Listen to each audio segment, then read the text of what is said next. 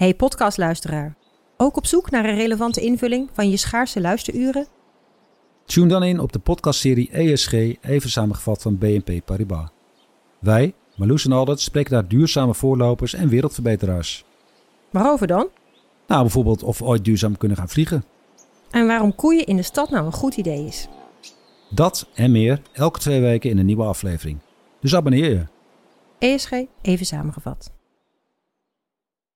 Ik ben al jaren ondernemer, maar waar moet ik eigenlijk allemaal aan denken nu ik voor het eerst personeel wil aannemen, voor het eerst ga importeren of voor het eerst een bedrijfslocatie zoek? Weet wat je wel of niet moet doen bij zaken die je voor het eerst oppakt. Check kvk.nl voor praktische stappenplannen. KVK, hou vast voor ondernemers.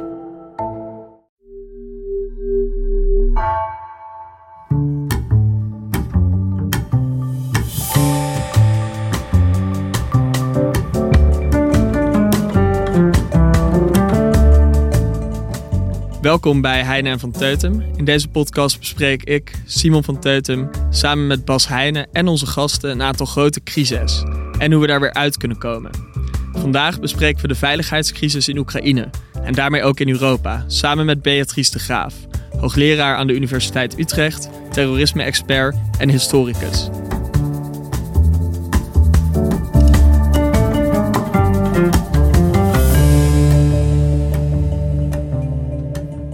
Beatrice, welkom. Wat ik eerst even van je wil weten is eigenlijk... hoe breng jij nu je dagen door? Afgelopen twee, uh, twee weken. Ja, dat is een goede vraag. Uh, ze zijn langer geworden. Want je hebt gewoon natuurlijk je normale werk te doen. Je moet je studenten en je AJO's begeleiden. Um, je deadlines toch nog een beetje proberen te halen. Ja. En tegelijkertijd uh, in dit soort crisis, dat is ook ons werk. We hebben een hele groep in Utrecht die zich bezighoudt met wat gebeurt er, zoals wij dat noemen, rond disruptieve momenten. Mm. Dus we zijn doorlopend, eh, dat, dat is wel weer fijn dat ik dat dan niet alleen doe. Met sociaal psychologen, met een, uh, we zijn nu met een onderhandelingsexpert aan het kijken, met pedagogen. Hoe um, brengen we in deze crisis ruimte in het denken? Dat zien wij ook echt als onze taak. Hè. Dus uh, je hebt aan het Universiteit Onderwijs en Onderzoek, maar ook impact. Nou, dan vind ik het heel erg belangrijk. Dat zie ik ook echt als mijn taak met die groep andere collega's. Ruimte in het denken brengen. Hmm. En hoe hou je zelf ruimte in je denken? Uh, ben je bezig met, volg je het nieuws op, uh, per seconde of op Twitter? Of, ja, ik, dat, op, dat probeer ik eigenlijk wel. Ja, ja ik, ik, ik, ik, merk het, Bas. En ik heb een aantal, gelukkig, ik heb ben de laatste twee jaar tijdens de coronaperiode, heb ik echt Twitter ontdekt, ben ik ook heel erg gaan zoeken naar vakgenoten, ook mm. uit de hele wereld. Dus mensen zijn ook steeds meer op Twitter en internet gaan doen. Eh, bijvoorbeeld Oxford en Cambridge, jij studeert in Oxford, ja. die, die kondigden nooit iets aan online. En die kondigen nu alles eh, ook online aan, doen het ook online. Dus je kunt de beste denkers, filosofen, politicologen, historici live volgen. Dus ik heb een heel palet gemaakt van mensen die ik volg, die echt goed zijn. Ook uit Rusland en uit Duitsland, uit Polen. En nu heb ik dus een, een Twitter-feed met die mensen erin. Nou, dat, is soms mind-blowing. Dus luisteraars moeten eigenlijk even bij kijken wie jij volgt. Om in één keer een hele grote en omvatrijke lijst te hebben. Van wie zij ook moeten volgen als zij hier. Uh, als je geïnteresseerd bent in dit soort dingen. Ja. Ja, ja. ja. Maar je hebt niet af en toe een soort emotioneel, uh, ja, moet je zeggen, infarct. Dat je het eigenlijk, dat het, wat het is een, een, een heel onzekere, dreigende uh, situatie. Met verschrikkelijke beelden ook al. Dat je soms denkt van ik moet even iets heel anders gaan doen. Nou, even een beetje een rare vergelijking, maar dit soort situaties, hè, van hoog adrenaline, veel stress, wat is er aan de hand, lijkt natuurlijk een beetje op wat we de afgelopen tien jaar hebben, hebben meegemaakt en langer al met terroristische aanslagen. Ja. En um, dan, dan is er ook dan in zo'n situatie van crisis en, en um, dreiging gebeurt er iets sociaal-psychologisch met mensen, ook met mij, dat leg ik zo uit, dan gaan mensen in een tunnelvisie. Hè, fight, flight of freeze. Uh, er moet onmiddellijk iets gebeuren. Politici gaan in een standje. Niks doen is geen optie. Het, het, is onvermijdelijk, noodzakelijk dat er onmiddellijk iets gebeurt. En dan gaan heel vaak dingen mis. Dan mm. worden de war on terrors gelanceerd, invasies gepland, wapengekletter vertoond.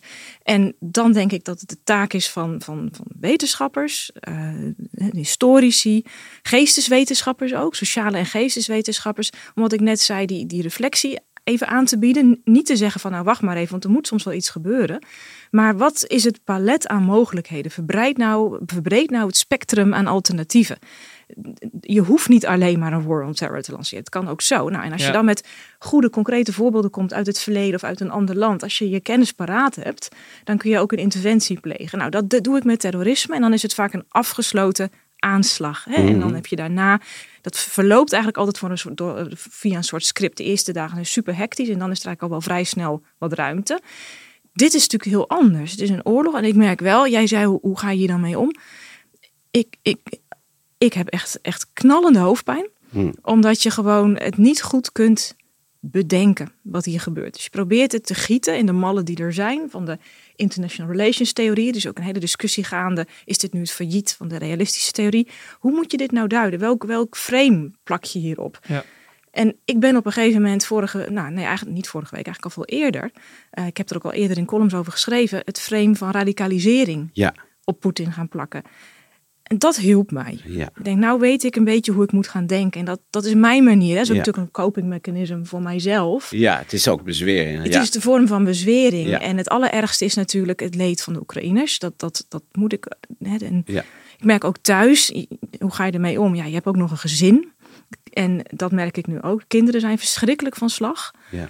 En eh, dus dat vergt ook weer een soort andere, andere gisten. dan ben ja. ik ook hun hun moeder. En hoe ga je daar dan mee om? Ja, en het gaat nu heel veel over de persoon eh, Poetin. En je kan daar misschien dus een radicaliseringsframe op plakken. Maar wel, wat, wat heeft hem eigenlijk gevormd tot de politiek leider die hij nu is, vanuit jouw oogpunt? Nou, daar heb ik een column over geschreven in het eh, NRC. Ja, Dat is het, het, even bij alle caveats van dien, net als met terrorisme, helemaal het raadsel ontrafelen en in de hoofd van een terrorist, de terrorist mindset kijken. Kun je niet, net zo min kunnen we ook in Poetins hoofd kijken. Die, die, dat wil ik echt even zeggen. Ja. Dus iedereen die nu zegt, hij is krankzinnig. Disclaimer, ja. Dit- dat is wel echt een belangrijke disclaimer. Maar tegelijkertijd ontslaat je niet van de plicht er toch iets mee te moeten. Ja. En wat, nou, ik heb dat natuurlijk al vaker gezegd, wat wij hebben gedaan. eh, ik- de Russische geschiedenis is niet mijn kernspecialisme, maar ik volg het wel. Mhm. Heb ook een jaar bij Arthur Langeveld eh, Russisch gestudeerd. En ik probeer ook altijd goede studenten te recruteren die talen kunnen. Dus ik heb ook altijd een student die Frans kan, Ja. of die Duits kan. En nou had ik dus afgelopen eh, jaren een student die heel goed Russisch kon, die Niels Drost. En die heeft dus, en die is ook nog eens een keer heel handig. eh, dat is jullie generatie, eh, ja niet jouw Bas, Nee. maar Simons generatie. Nee, het was duidelijk. En Die is, is heel handig met internet. Dus die heeft zo'n zo'n zo'n programmaatje gemaakt dat hij alle speeches, hè, 20.000 speeches heeft gedownload, die er nu ook niet meer zijn op Ah, die ja. website van het Kremlin. En ik heb ook een collega in Leuven, Lien Verpoest, Mhm. hele goede hoogleraar. Die had ook een student die dat soort speeches heeft. Nou, en dan, dan wend je eigenlijk hè, je, dus je kennis vanuit radicalisering aan, first person perspectief, heel simpel. Wat zegt de dader zelf? Ja. Zegt hij iets consistent over een langere periode in een samenhangende vorm, dan is het best verstandig om dat serieus te nemen. Ja. En Poetin heeft dus al eigenlijk meer dan twintig jaar lang gezegd dat hij uit is op een herstel van dat heilige Russische Rijk. Ja. ja dus niet de Sovjet-Unie, maar het, Russi het oude Heel belangrijk, ja. Hè, dus mensen zeggen hij willen terug naar de Sovjet-Unie. Hij heeft zelf wel eens gesuggereerd dat hij de Russische revolutie maar een beetje niks vond. Ja. Eh, Hij bekritiseerd Lenin ook. ja, dat is allemaal, heeft allemaal tot chaos geleid en wanorde en ineenstorting uiteindelijk. Hij wil terug naar dat rijk. Nou, dat is natuurlijk een soort ja, verlangen naar een, een, een geschiedenis die zo mooi natuurlijk ook niet was. Maar daar heeft hij een soort mythische eh, eh, projectie van gemaakt. Hè. Dat is natuurlijk ook wat ik beschreef. Dat is een soort ideologie voor hem geworden. En niet alleen voor hem. Hij laat zich ook voeden door zo'n hele kring van mensen om hem heen. Die Dugin, Ja. maar ook echt, eh, dat, vroeger waren dat de nationaal-bolshevisten, ultranationalisten. Krylov, eh, eh, mensen van Novorussia, die partij. En welke Ehm, rol speelt religie in dat verhaal, in dat narratief? ja, nou, dat is dus ook iets wat ons opviel in die speeches. Dus hij kijkt terug naar de geschiedenis, naar de tsaren. Maar hij beschouwt die geschiedenis niet een beetje, zeg maar, zoals wij misschien terugkijken naar de geschiedenis van wat is er gebeurd, wie is geweest, Ja. en ranken. Maar hij kijkt er een beetje naar zoals Nietzsche dat eh, heeft gezegd en ook voor heeft gewaarschuwd. Monumentalische geschichte. En Nietzsche heeft gezegd, je kunt op verschillende manieren met geschiedenis omgaan. Eh, de monumentalische geschichte, de antiquarische geschichte en de kritische geschichte. En eh, monumentaal is dat je naar de geschiedenis kijkt om inspiratie uit te putten van grote daden, van mythes, van heldendom, die ook voor vandaag de dag jouw leven bevleugelen. Dus het is een hele moralistische, normatieve manier om naar de geschiedenis te kijken. Maar ook een soort uh, revanchisme. Het is dus niet alleen maar van. Het is ook een soort wraak op de geschiedenis. In de zin dat hij de, de, de val van de Sovjet-Unie wil uh, wreken. Ja, dat, dat, dat is heel goed dat je dat zegt. Het is dus niet alleen maar een soort mooi, idealistisch, hm. utopisch vergezicht. Het heeft hele harde, zwarte, duistere randen. Het zegt Nietzsche eigenlijk ook al. Hij zegt het gevaar van monumentalische geschichte is dat het heel snel omklapt in fanatismus. Ja. Ook cynismus. Uh, omdat het ertoe leidt dat je dan... Uh, ja, je, je, je, jezelf en je situatie nu afmeet aan die grote daden. En dan precies wat jij zegt. Dan heb je nu natuurlijk uh, kan Rusland zich niet meten aan de macht en de status van het Heilige Russische Rijk van destijds. En hè, zijn, zijn rol is ook nog niet die van een supertsaar, dat mocht hij willen, maar dat is nog net niet zo. En dat, dat revanchisme, zoals jij dat zegt, de ressentiment, daar hoort dan ook heel erg bij, bij de mythe, hoort ook bij dat je een, monster hebt wat je dan moet verslaan als prins. Nou, dat monster, uh, dat, is, dat is een monster dat niet puur alleen geopolitiek van aard is. Hè. Dus er wordt dus nu ook heel veel gesproken of het is een geopolitiek conflict, het is de schuld van de NAVO, dit en dat. Dan misken je dat het niet alleen geopolitiek is, maar het is ook dus mythologisch, religieus, spiritueel. Nou, dat heb ik ook al meer proberen uit te leggen. En anderen hebben dat inmiddels ook nog veel beter en gedetailleerder gedaan. De Russisch-Orthodoxe Kerk en Poetin zijn een soort verbond aangegaan. En um, religie in Rusland is ook heel anders. Dat is ook nog een interessante discussie op Twitter met Stevo Akkerman van Trouw. Die zei dat is eigenlijk helemaal niet religieus. Die, dat nationalisme, dat is leeg. Want het gaat mm. helemaal niet over naaste liefde.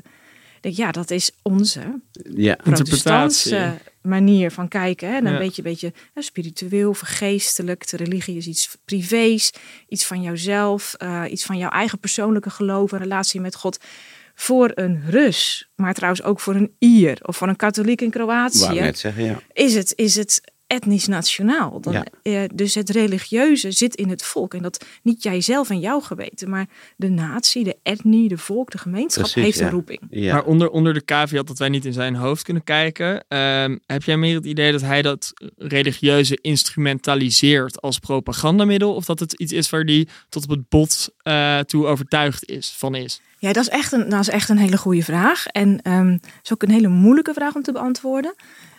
Ik denk dat, dat, dat ik en met mij ook vele anderen het dus allemaal wel hebben gezien, maar eigenlijk niet echt hebben geaccepteerd. Dat het waar zou kunnen Dat het waar zou kunnen zijn. En dan is jouw vraag: gelooft hij het echt of instrumentaliseert hij het? Ja, kan je lang en breed over denken. Het doet er niet toe. Hij koppelt zijn handelen eraan. Ja. Mhm. En misschien is hij er helemaal zelf in gaan geloven. Dat denk ik inmiddels. Ik denk dat hij het heeft omarmd.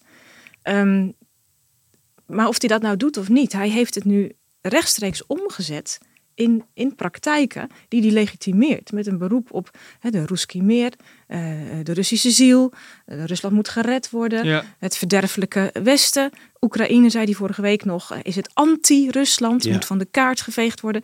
Kirill, die patriarch, met zijn met zijn Briket. Pre, ja, geen Rolex, maar een preket van 30.000 euro. Hè, hoe spiritueel is dat? Maar die zegt dan van ja, het is een strijd van de, van, tegen de satanische krachten. Dus die, die doet er nog zo'n spiritueel laagje omheen. Maar Poetin is niet nu, die is al langer geleden, heeft hij dus dat soort religieuze attributen ook echt omarmd. En in die speeches heeft hij dus ook steeds verwezen naar het christendom. Hij hecht heel veel waarde aan het feit dat hij is gedoopt. Niet door zijn vader, maar zijn moeder heeft hem eh, opgedragen.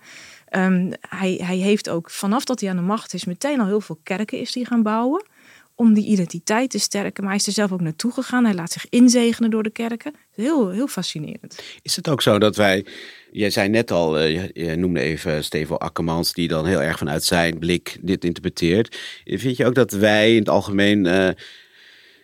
Uh, gefaald hebben om dat serieus te nemen, omdat we er zelf zo weinig mee hebben of ons er niet in verdiepen, of dat het ons niks zegt. Hè? Maar heel veel van die, het idee van Groot-Rusland, die, die mythische laag die hij op, op, dat, op dat geopolitieke verhaal heeft gelegd, dat je denkt van ja, ik weet, ik weet niet waar hij het over heeft, dus dat zal dan wel inderdaad, zal wel of niet serieus zijn. Of, hij is gek geworden, voor de massa bedoeld. Ja, of wij uh, brood en spelen. Deel zal dat ook spelen. Maar dat we eigenlijk ons toch geweigerd hebben ons uh, erin te verdiepen.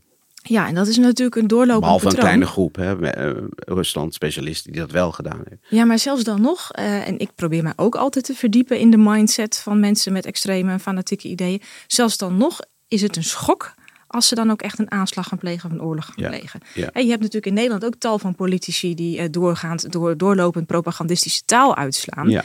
Waarvan je dan ook denkt, ze zijn er misschien zelf in gaan geloven. Maar je ziet ze nog hopelijk niet een aanslag plegen Nee. of een oorlog starten. Dus je hebt nog een beetje het idee, het, het, is een beetje hè, uh, schall und rauch. Ze zijn Zo een is het beetje, ook gegaan, want ik las dat de geheime dienst in Frankrijk, die ook al die tekenen zag van een echte invasie, dacht dat gaat hij nooit doen, want zo stom kan hij niet zijn. Eh, terwijl Amerikanen zeiden hij gaat het doen, maar Fransen dachten nou ja, dit alles wijst op, maar hij is veel te verstandig, gaat hij niet doen. Ja. Wij, wij projecteren onze ratio op hem. Hè? Ja. Ehm, nog, nog even over jouw vraag. Zien wij dat te weinig? Nog even weer terug naar Nietzsche. Ik ben op zich niet zo'n fan hoor van Nietzsche. Maar ik vind Nou dat ja. hij dit, dit wel goed heeft gezien. Ehm, als je dus eventjes voor, de- voor, de- voor de discussie. Dus zo'n podcast is natuurlijk iets generaliserender. Maar ehm, als je stelt dat, dat Poetin in de band is van zo'n monumentalische vorm van geschiedopvatting. Wat is dan onze vorm van geschiedopvatting? Hebben wij een geschiedenisopvatting? Voor ons is geschiedenis eigenlijk niet zo belangrijk. We leven in het heden, een ever Ja. extended present. Het gaat om het hier en nu, zeker in Nederland. Ehm, er zijn wel manieren waarop wij met de geschiedenis omgaan, maar in het huidige discours in Nederland is onze vorm van geschiedsvorming ook wel normatief en moralistisch, maar dat is Nietzsche's vorm van kritische te- ja, eh, ja benadering. zoals Dus- over het slavernijverleden Precies. bijvoorbeeld. ja, dus je zou kunnen zeggen, voor ons is de geschiedenis juist iets waar we ons tegen afzetten. Hè, want Ja. wij bevrijden ons, wij emanciperen ons. eh, En voor hem is het iets wat hij omarmt. wat hij omarmt. En als je dus bedenkt dat voor ons de geschiedenis hier zit van, nou, hè, dat, wat deden de mensen vroeger raar? En, eh, Ja, nou, het is denk ik ook een voortdurende omverwerpen of in ieder geval bijstellen van beelden die, eh, laten we zeggen, verkalkt zijn of bestaand zijn of mythisch zijn geworden. Bijvoorbeeld over de, eh, het verzet in de Tweede Wereldoorlog of over onze politionele acties. Hè. Daar komt nu eigenlijk, wordt steeds daar, dus we vervangen steeds beelden door al nieuwe beelden, aanvullende beelden. Ja, en dat is goed. En dat is hè? kritisch. Dat, dat is kritisch, dat is wetenschappelijk. Ehm, tegelijkertijd, ehm, wat doet dat dan met je identiteit? Ja. En wat doet dat met het begrip eh, bij ons voor hoe anderen dan aankijken naar Ja. hun identiteit? Mag wel in een podcast met jou, hè Bas? Ik wil nog één Duitse eh, denker aanvoeren, Ja. Reinhard Kozelek. Die heeft ook heel mooi over geschiedbesef. Want dat is ook wel iets wat heel erg nu speelt. Hè? Ik vind dat ook heel interessant natuurlijk als historicus. Reinhard Kozelek zegt... ehm, geschiedenis is niet altijd puur positivistisch van wie is gewezen. Je kunt niet altijd helemaal meer achterhalen hoe feiten in het verleden door de mensen werden ervaren of wat het toe deed. Hij zegt je hebt je kunt geschiedenis schrijven, maar je moet altijd rekening ermee houden dat jouw beleving van de geschiedenis wordt gevangen door aan de ene kant een ervaringsachtergrond. Dus je neemt ervaringen mee uit het verleden van de Tweede Wereldoorlog, van onderdrukking. En die deel je met jouw generatie. En daardoor kijk je nu anders dan naar, naar de geschiedenis dan mensen die die ervaring niet hebben. En je hebt dan ook een verwachtingshorizon. Dus op grond van die ervaringen van bijvoorbeeld de Tweede Wereldoorlog of van slavernij, verwacht je, hoop je iets voor de toekomst. Je kijkt naar voren. Maar hij zegt, je moet dus wel je realiseren dat mensen in, die in dezelfde tijd leven, hè, bij en Poetin leven allebei in de 21ste eeuw, een totaal andere ervaringshintergrond heeft. Die heeft dus een, ook een heel ander beeld van de geschiedenis. Voor hem eh, is niet de toekomst misschien het lichtend voorbeeld, maar meer dus juist dat verleden. En voor Ja. hem is dat ongebroken. Hè? Die, die, dat monumentale, dat ziet één lijn. En het kritische, dat ziet juist breuken. Ja, en het kritische is ook, en dat is misschien ook wel lastiger, eh, omdat het kritisch kritisch is. Kijk, neem bijvoorbeeld eh, de Gouden Koets. Hè? Dat is nu een, eh, een discussiestuk geworden in het museum. Over, vanwege het slavenpaneel en de geschiedenis ervan, alle, alle aspecten van onze geschiedenis. En laten ik, ik moest ontzettend, het was op het nieuws toen dat bekend werd dat hij dus niet ging rijden dit jaar. Het was er zo'n oranje klant, die zei van ja, eh, ik was vroeger de gouden koets. Dat, was, eh, dat, hè, dat, dat tilde je op, dat nam je mee. En die man zei, ja, vanaf het moment dat ze het slavenpaneel zijn gaan noemen, toen dacht ik, nou is het afgelopen. En nu zie je dus dat het een kritisch eh, object is geworden, in plaats van een, een, een glorificatie. Affirmatief, ja. En Poetin die gebruikt die geschiedenis natuurlijk heel erg om mensen die, laten we zeggen, iets missen in hun leven. Eh, een soort extra dimensie, misschien een religieuze dimensie. Absoluut een religieuze, ja, ja. Dus A, die revanche, maar ook misschien in een materialistische, misschien nog de aantrekkingskracht op heel veel mensen in het Westen eh, van, op Poetin. Dat die, dat, dat, eh, dat die, die, die, die wereld optilt naar een hoger plan in het, in, in het, in het ideologische, idealistische. Nou, en dat zegt hij zelf ook. Hè? Dat ze, hij zegt ook van wij zijn superieur. Ja. Want wij zijn de verdedigers van de echte waarden. Van masculiniteit en trots en eer. En het Westen heeft eigenlijk die waarden verzaakt. Dat is Ja. een groepje nihilisten. Eh, ik parafraseer, maar hij heeft het ook wel echt zo gezegd. Ja. Eh, nihilisten, atheïsten, decadenten. Nou, dan komt die Kirill en dan komen die eh, patriarchen er nog bij. En die zeggen dan... eh, het is allemaal ook met door. Hè, de- we strijden tegen de, gay parades. Oh, de gay. Ja. Ja. precies. Dat komt er dan nog bij. Wat natuurlijk ook het hele ideaal van, van de heilige natie als Ja. lichaam van ondermijnt. Ja. Dat, dat mag niet, dat Ja. hoort niet. Ja. Dat is trouwens ook bij orthodoxe christenen in Europa en Amerika is dat natuurlijk echt een, een Ja, rode maar ik lap wou op de zeggen, stier. dit, hè? dit narratief vind je in een iets mildere, maar ook niet eens zoveel mildere vorm. Nee. Ook hier vaak terug. Ja, En dat eh, gaat over genderstudies. En, Ja.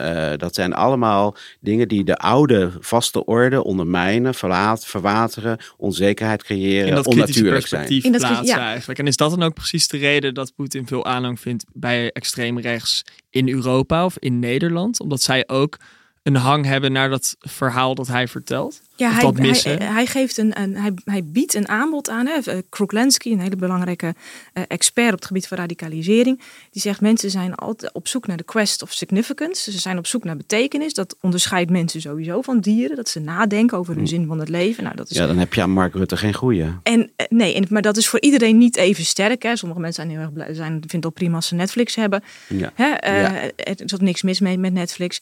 Maar als je dus echt daardoor gedreven wordt, zo'n gat in je bestaan voelt, het een kort voelt, hè, dus spelen er misschien ook persoonlijkheidskenmerken mee, wordt nu ook onderzoek naar gedaan, dan moet je dat gat vullen.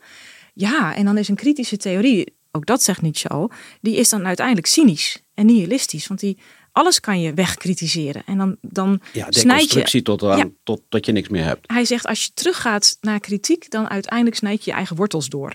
Nou, daar is natuurlijk ook heel veel kritiek op gekomen, maar er zit wel iets in. Ik denk van ja, en dan biedt Poetin, die biedt dus een soort blauwdruk aan eh, voor het witte ras.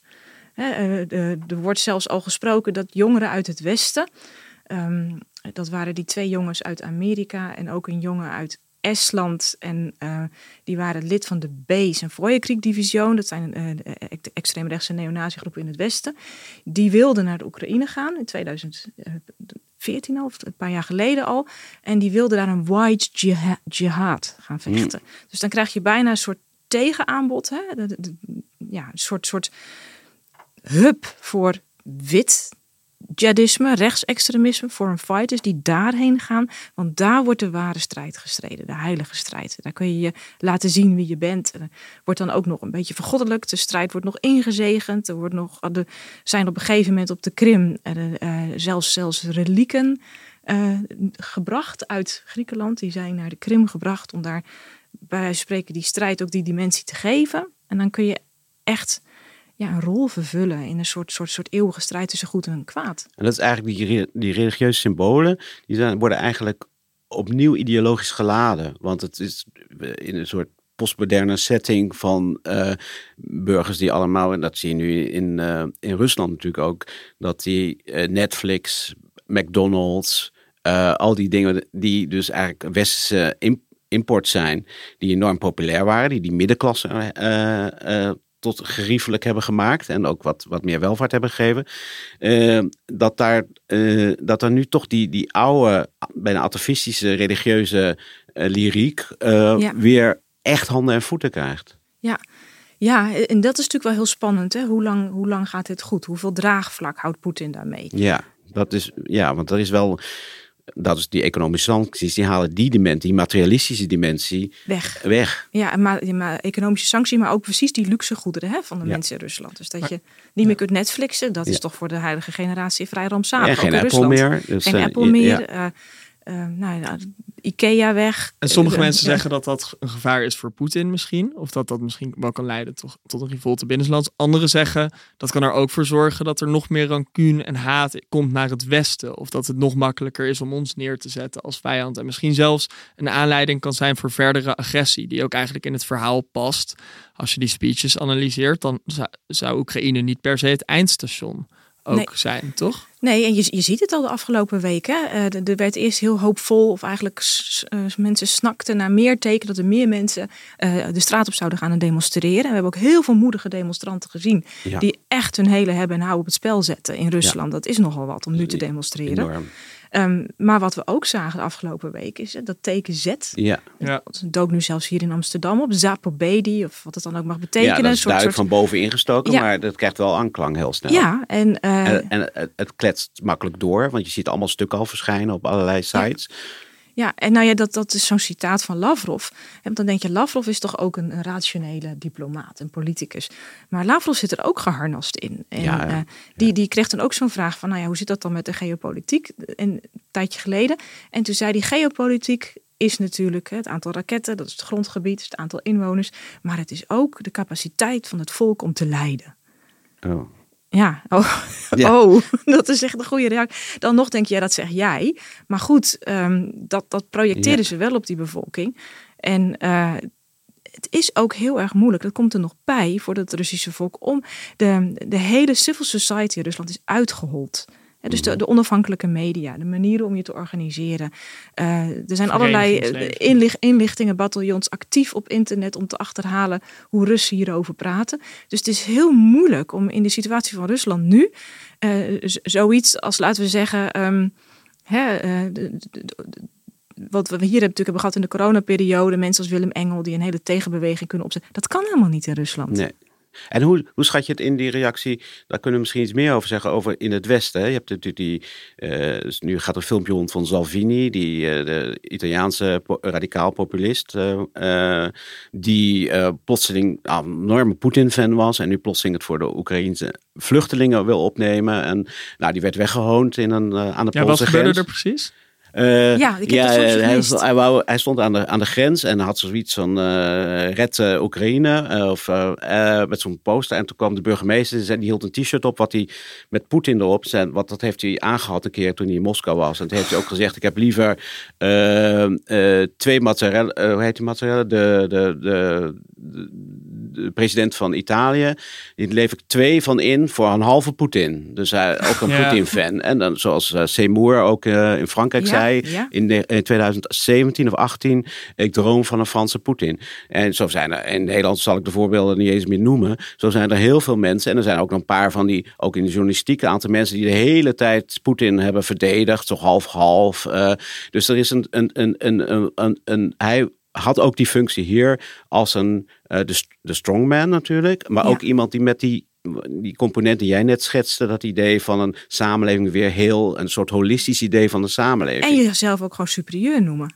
Hè, dat je gewoon jezelf superieur mag Ja, noemen. Dat je gewoon mag claimen. Ook dat, ja. Ja. Wij zijn als ras, natievolk, cultuur, zijn wij gewoon beter. En hoe gaan, zijn deze mensen er nu aan toe? We hebben de, de zien zo'n afgang van Salvini, die wordt weggehoond.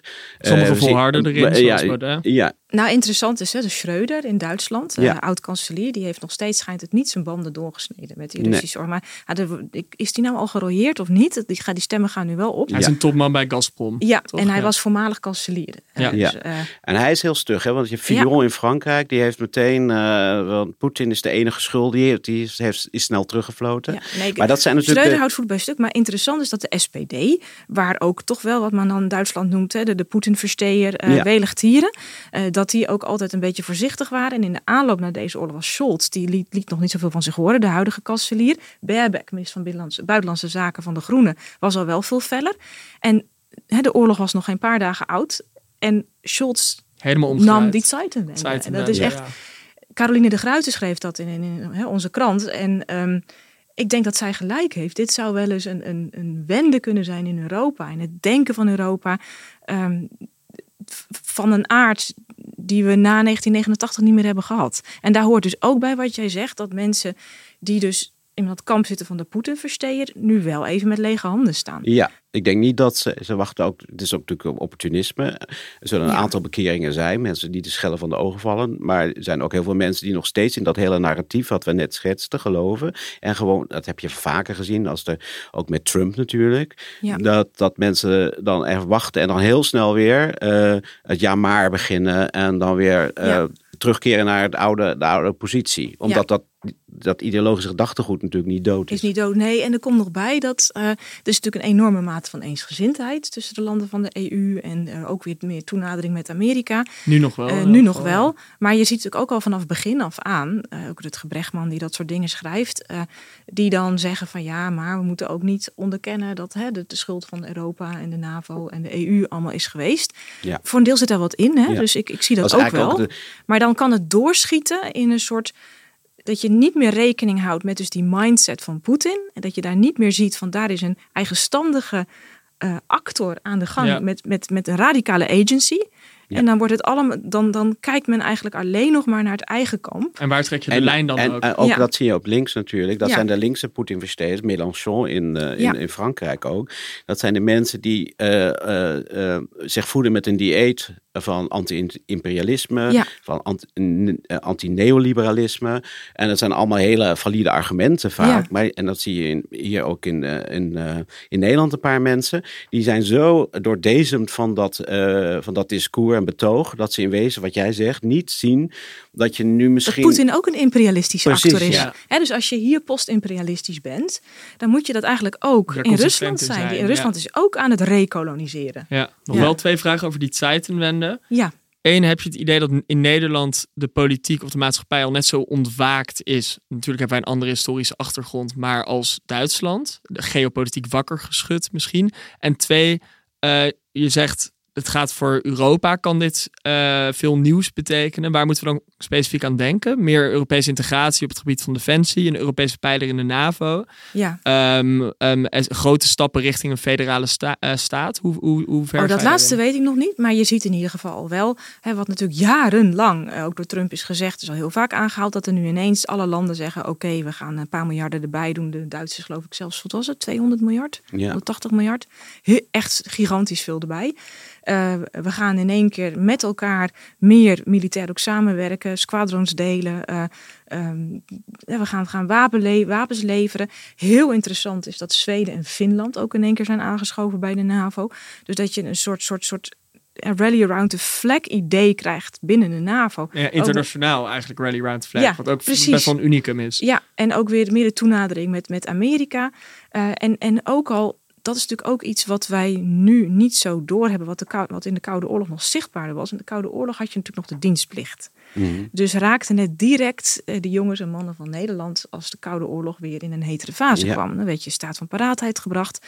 Ja, wat kon er gaan gebeuren? Er zijn ook een paar van de, moet ik niet de Cuba-crisis, maar ook nog in de jaren tachtig met de Tweede Koude Oorlog. Grote demonstraties. Toen bracht dat ook de hele samenleving op de been.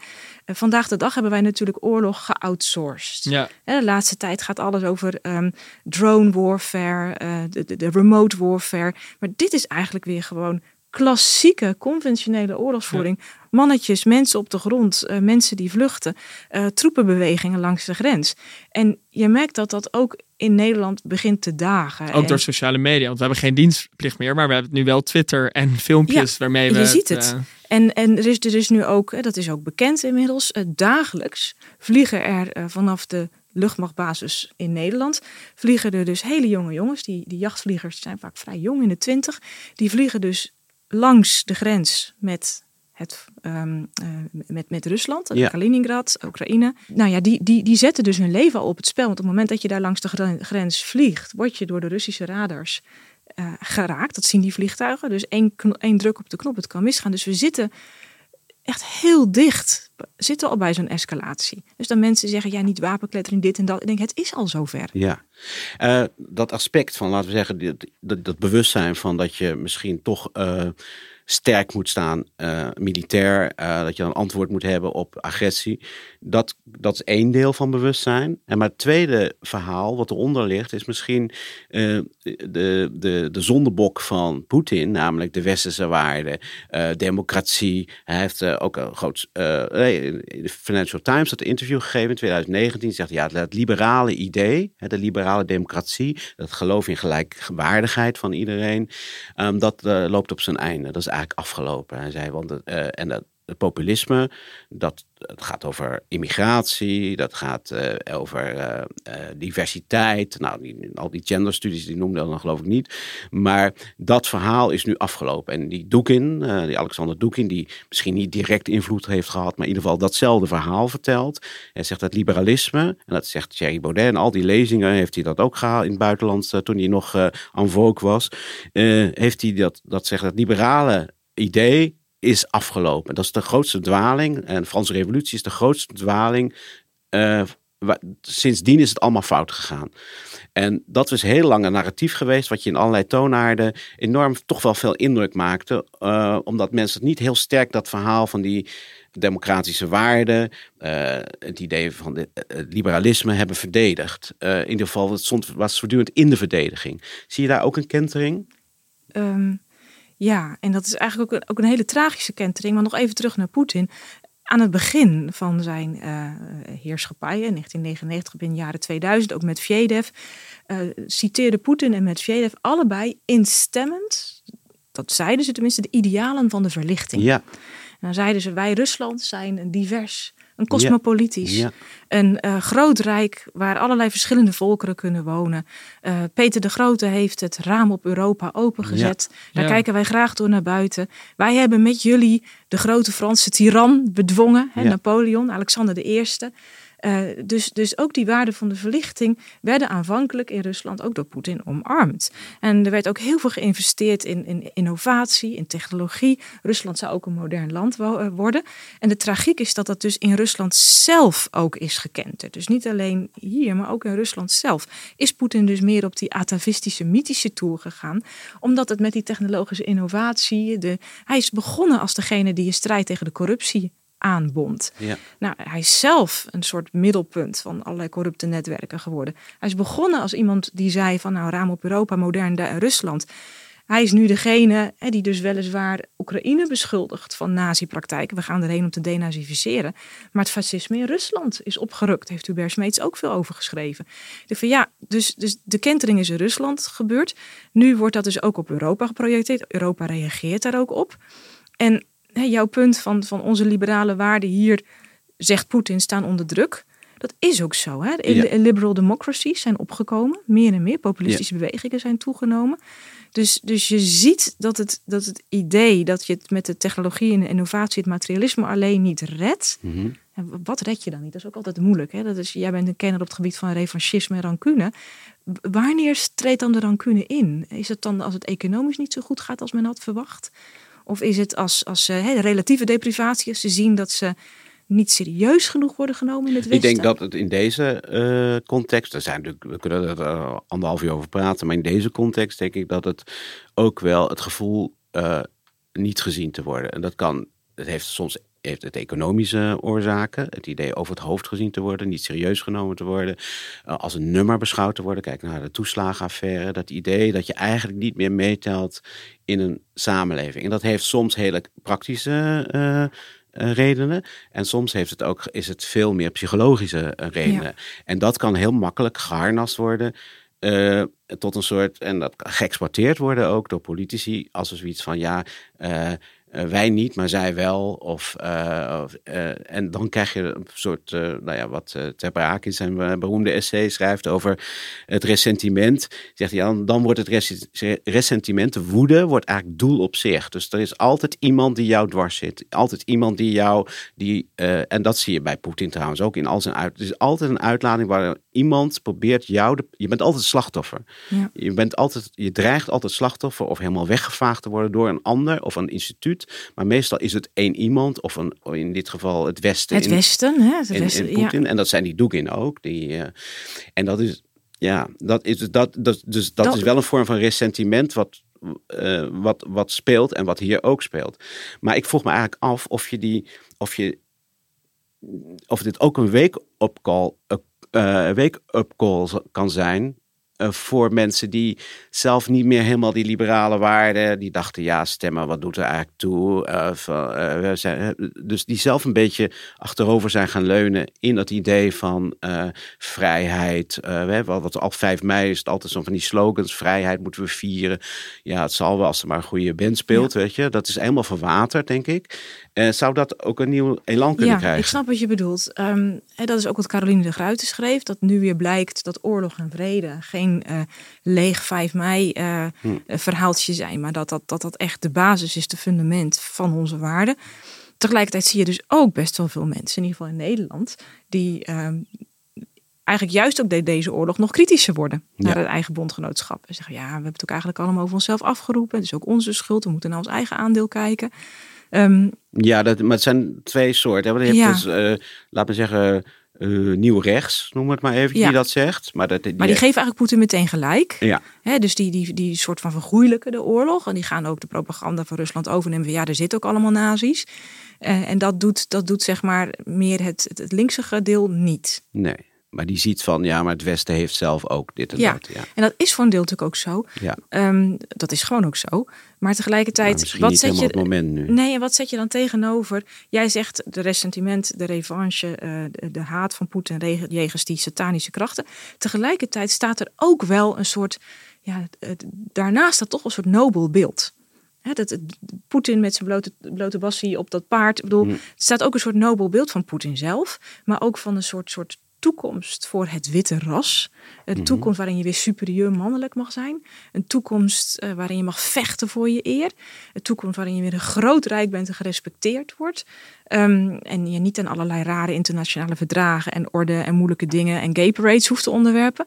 Dat staat er ook. Hè? Dus het is ook iets, eh, ja, iets verklarends, zeg niet zo. Iets, iets, Ja. Ja, eh, ja, alleen die, die, die- dat gaat heel erg samen, want er zijn natuurlijk altijd meteen vijanden die dat dwarskomen. Die dan, Ja, dus maar dan juist door de vijanden te benoemen, word jij zelf meer een engel van het licht. Ja, Ja, zelf word je een verlosser, een Ja. redder, noem maar op. En dat is natuurlijk een heel sterk beeld. En het is heel moeilijk om daar dan tegenover te zetten. Ja, maar onze vrijheid van meningsuiting. Ja. Hè, want onze vrijheid, zeker in Nederland, nou chargeer ik eventjes, is Ja. heel erg, hè, het middel is het doel geworden. Dus vrijheid van meningsuiting, kunnen zeggen wat je wil. Dat is, dat is de basis van ons samenleven. En dat levert ook al die rijkdom op aan opinies, noem maar op pluriformiteit. Ja. pluriformiteit. Maar wat is dan nu als je dus met Poetin, en dat schreef ik ook in mijn column, aan met hem aan tafel gaat zitten om te onderhandelen? Want nu wordt er vooral gesproken over humanitaire hulp en Ja. corridors. Maar op een gegeven moment moet er ook echt onderhandeld worden. Dan weten we wat zijn niet onderhandelbare waarden zijn. Mhm. Maar wat zijn die dan van ons? Mhm. En dan wordt het moeilijk. Is dat heel moeilijk, die onderhandel, on, Niet onder- onderhandelbare Ja, waarden? ononderhandelbaar. Ja, want wat ga je dan tegen Poetin zeggen? Van, is de internationale rechtsorde ononderhandeld? Die heeft hij keer op keer geschonden. Ja. Dus ja, wat dan? Hè? En Ja. nu? De NAVO-grenzen misschien. Ja, die zijn onder, dat is duidelijk. Maar dat is op zich, en dat weet Poetin ook. Dat is nog niet eens zo'n moeilijke eis. Maar hoe zit het dan met Oekraïne? Moet je dan zeggen, de soevereiniteit van een land dat door de wereldgemeenschap eh, erkend is als autonoom land. Ja, geven we dat op voor Poetin? Hm. Hè, dus zeggen we nee, maar een neutrale staat? Of ja, maar dat is, daar is geen in? binair antwoord op, toch? Want we hebben in, in, in feite hebben we die vraag eh, tot op zekere hoogte beantwoord door niet militair in te grijpen. Tegelijkertijd met een ongeëvenaard sanctiepakket tegen een economie ter grootte van Rusland hebben we ook laten zien dat we niet achterover gaan zitten daarin. Dus daar zit ook nog wel een soort van Nee, dus grijze eigenlijk heeft het. Westen het niet geaccepteerd. Ja, Het, het, het, wil, het wil niet een derde wereldoorlog starten. Maar, het Ja. heeft in feite, maar, maar als je dan dus met elkaar gaat praten, wat is dan, je kunt pas onderhandelen als er een onderhandelingssituatie is waarin je nog een beetje een overlappend wereldbeeld hebt. Ja. In het wereldbeeld van Poetin gaat het om het Heilige Russische Rijk en bestaat Oekraïne niet. Nee. In ons wereldbeeld gaat het om de soevereiniteit van natiestaten. Gaat het om het zelfbeschikkingsrecht van volkeren. Dat is ook de reden dat de NAVO niet heeft gezegd, wij, wij zeggen bij voorbaat dat Oekraïne niet mag toetreden. Dat doet de NAVO niet. De NAVO biedt het niet aan. Mensen vragen het, dan zegt de NAVO ja of nee. Die gaat niet voor landen dat bepalen, het zelfbeschikkingsrecht. ja. Dus ga je over de ruggen van de Oost-Europese landen het zelfbeschikkingsrecht uitschakelen. Ja. Hè, Wat na de Eerste Ja, ja. Wereldoorlog is gecodificeerd. Dus je zegt eigenlijk, er valt, eigenlijk- dat is eigenlijk, zijn twee partijen die eigenlijk niet met elkaar kunnen, kunnen praten. op dit moment zo. En toch moet het, want je hebt, je hebt een gedeeld beeld. Niemand wil een nucleaire oorlog. Nee. ja. En, en, en Poetin kan ook niet eindeloos eh, bodybags eh, Nee, kijk, want gaan dat is natuurlijk, als je dan, die conversatie is onmogelijk, want zij gooien gewoon alle stukken van het schaakbord, bij wijze van spreken. Ja, ze accepteren de regels van het ja. schaken, ze accepteren de regels niet meer. En dan zie je ook, dat, dan trap mezelf ook op, dat je dan hoopt op een eh, paleisrevolutie, dat je hoopt dat het leger nog verder wegzakt in de modder, eh, dat het eigenlijk, dat het gewoon Nou, andere dat je dat hoopt zijn is die gaat één- bepalen. Ja, maar dat je dat hoopt is één ding. Maar als je dat dus gaat zeggen, of als, als, als eh, hè, westerse leiders dat gaan zeggen, eh, dan maak je de onderhandelingspositie eigenlijk alleen maar Nog erger. Ja, Want dan wat- krijgt Poetin nog meer het idee, zie je wel. Ja, ja nee, ik, ik Gets, zit ja. ook niet aan de onderhandelingstafel, maar ik hoop het wel. Maar om aan die onderhandelingstafel te blijven, wat zijn dan wel reële scenario's om hier nog een zo goed mogelijk einde aan te brengen? Of wat Ja. zijn, welke routes zie jij op jouw kaart? Ja, we zijn op dit moment met die groep waar ik het over had. eh, wij noemen ons Adapt Academy. Eh, dus hoe ga je om in disruptieve en momenten, crisissituaties? Hoe, hoe, hoe ga je daar dan mee om? Hoe red je jezelf daaruit?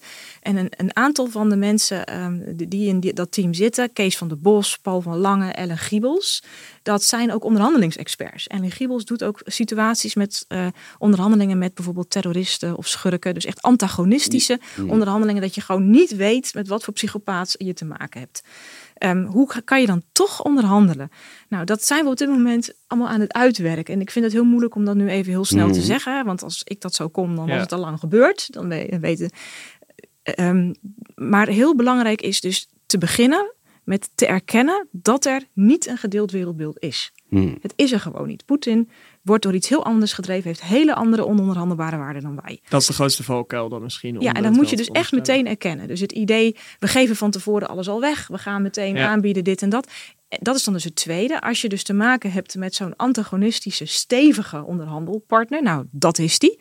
Ehm, dan moet je dus bedenken dat als je te snel dingen weg gaat geven. Dat het jou niet gaat helpen in die onderhandelingssituatie. Dan gaat hij gewoon alleen nog maar meer willen. En Ja. we weten dat hij meer wil van, we, we, Van ideologische speeches, ja. ja. Dus kijk daarmee uit.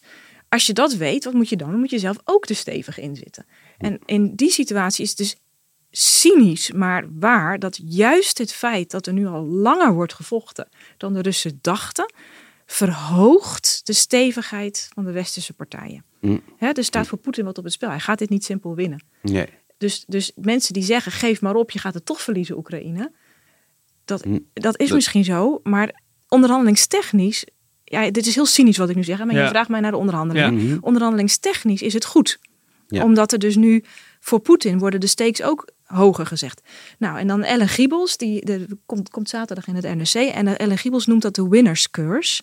Het idee als je te snel iemand iets in de schoot werpt, ziet die persoon dat niet als winst. Wat heb je er niet voor gevochten?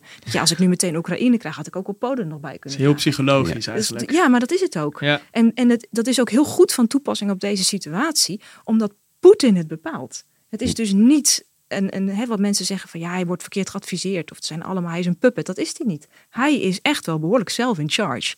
Dus je hebt te maken met de psychologie van Poetin. Het enige waar ik nog even over na zat te denken was, je zei eerder dat ehm, in dat mythische verhaal van hem is een gemeenschappelijke vijand ook heel belangrijk. Maar dat kun je natuurlijk ook omdraaien, als we het net over Europese integratie hadden, onder andere. Dat misschien eh, de, de, de leegte op het mythische vlak, die sommige Nederlanders of Europeanen ervaren, wordt die nu ook niet deels opgevuld door de dreiging uit het oosten? Ironisch genoeg, misschien.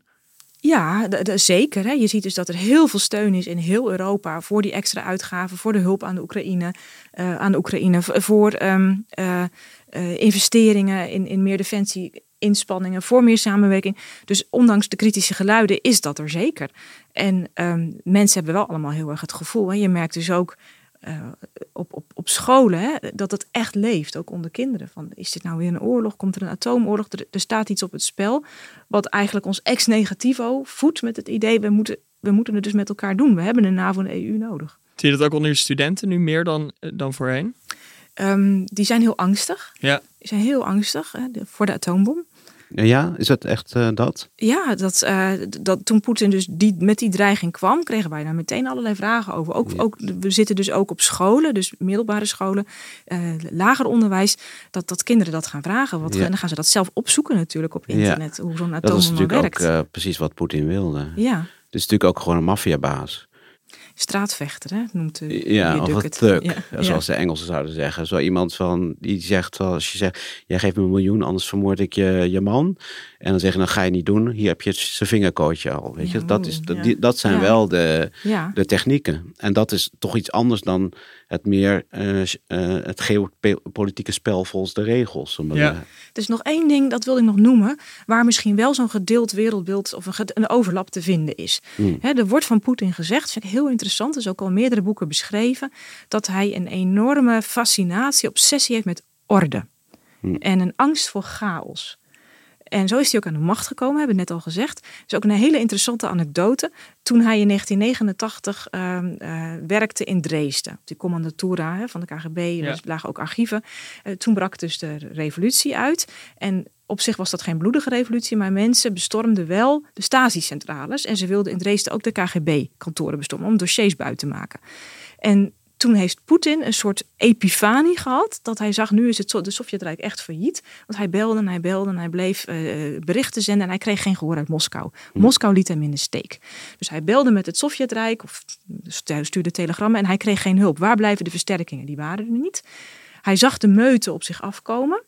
Toen is hij in zijn eentje, dat lijkt echt bevestigd te worden, is hij zijn eentje naar buiten gegaan, bij het hek gaan staan. En hij heeft tegen die meute gezegd, versterkingen komen eraan. Hier binnen heb ik allemaal eh, schutters opgesteld. Wie één voet hier dit terrein probeert te betreden, die, die gaat eraan. Jullie gaan nu naar huis en de orde wordt hersteld. Nou, en dat is gebeurd. Hmm. En toen heeft hij dus een soort, soort, soort, soort ja, ingeving gekregen van, nou, de orde moet worden hersteld en ik ben de enige die tussen orde en chaos staat. En, en je, je kent misschien dat beeld wel, dat is de katagon. Ja. Dat is in de, de, de christelijke traditie, is de keizer, ook uit de Byzantijnse traditie, maar voorheen ook uit de Roomse traditie. De keizer is degene op aarde die tussen orde en chaos staat. En dat is wat hij ook de Russen bood als verhaal. En nu weer. En dat is ook de bluff. En dat is ook de bluff.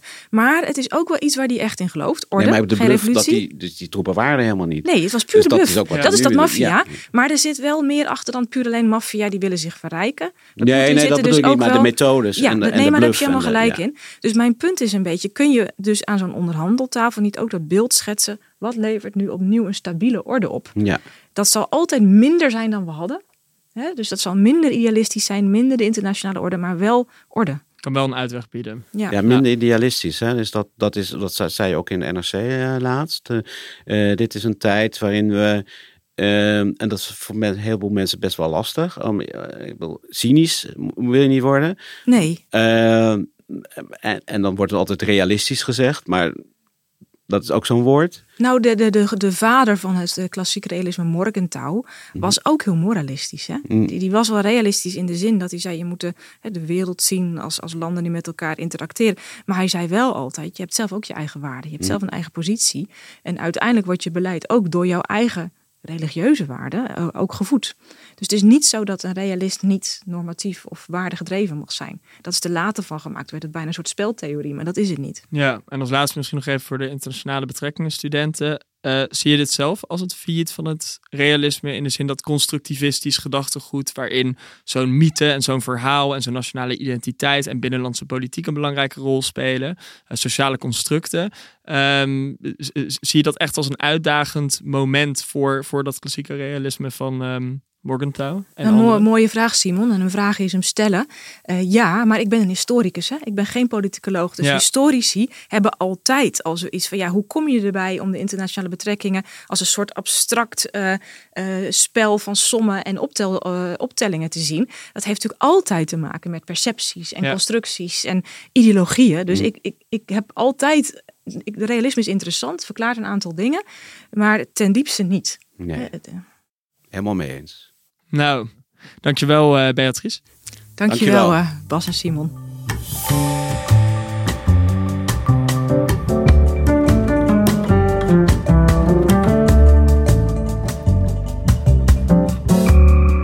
Dit was Heina van Teutem. Producer van deze aflevering is Inge Terschuren. Montage en tune werden gedaan door Jeroen Jaspers en Bas van Win. Luister alle afleveringen van Heine en van Teutem in de NRC Audio app.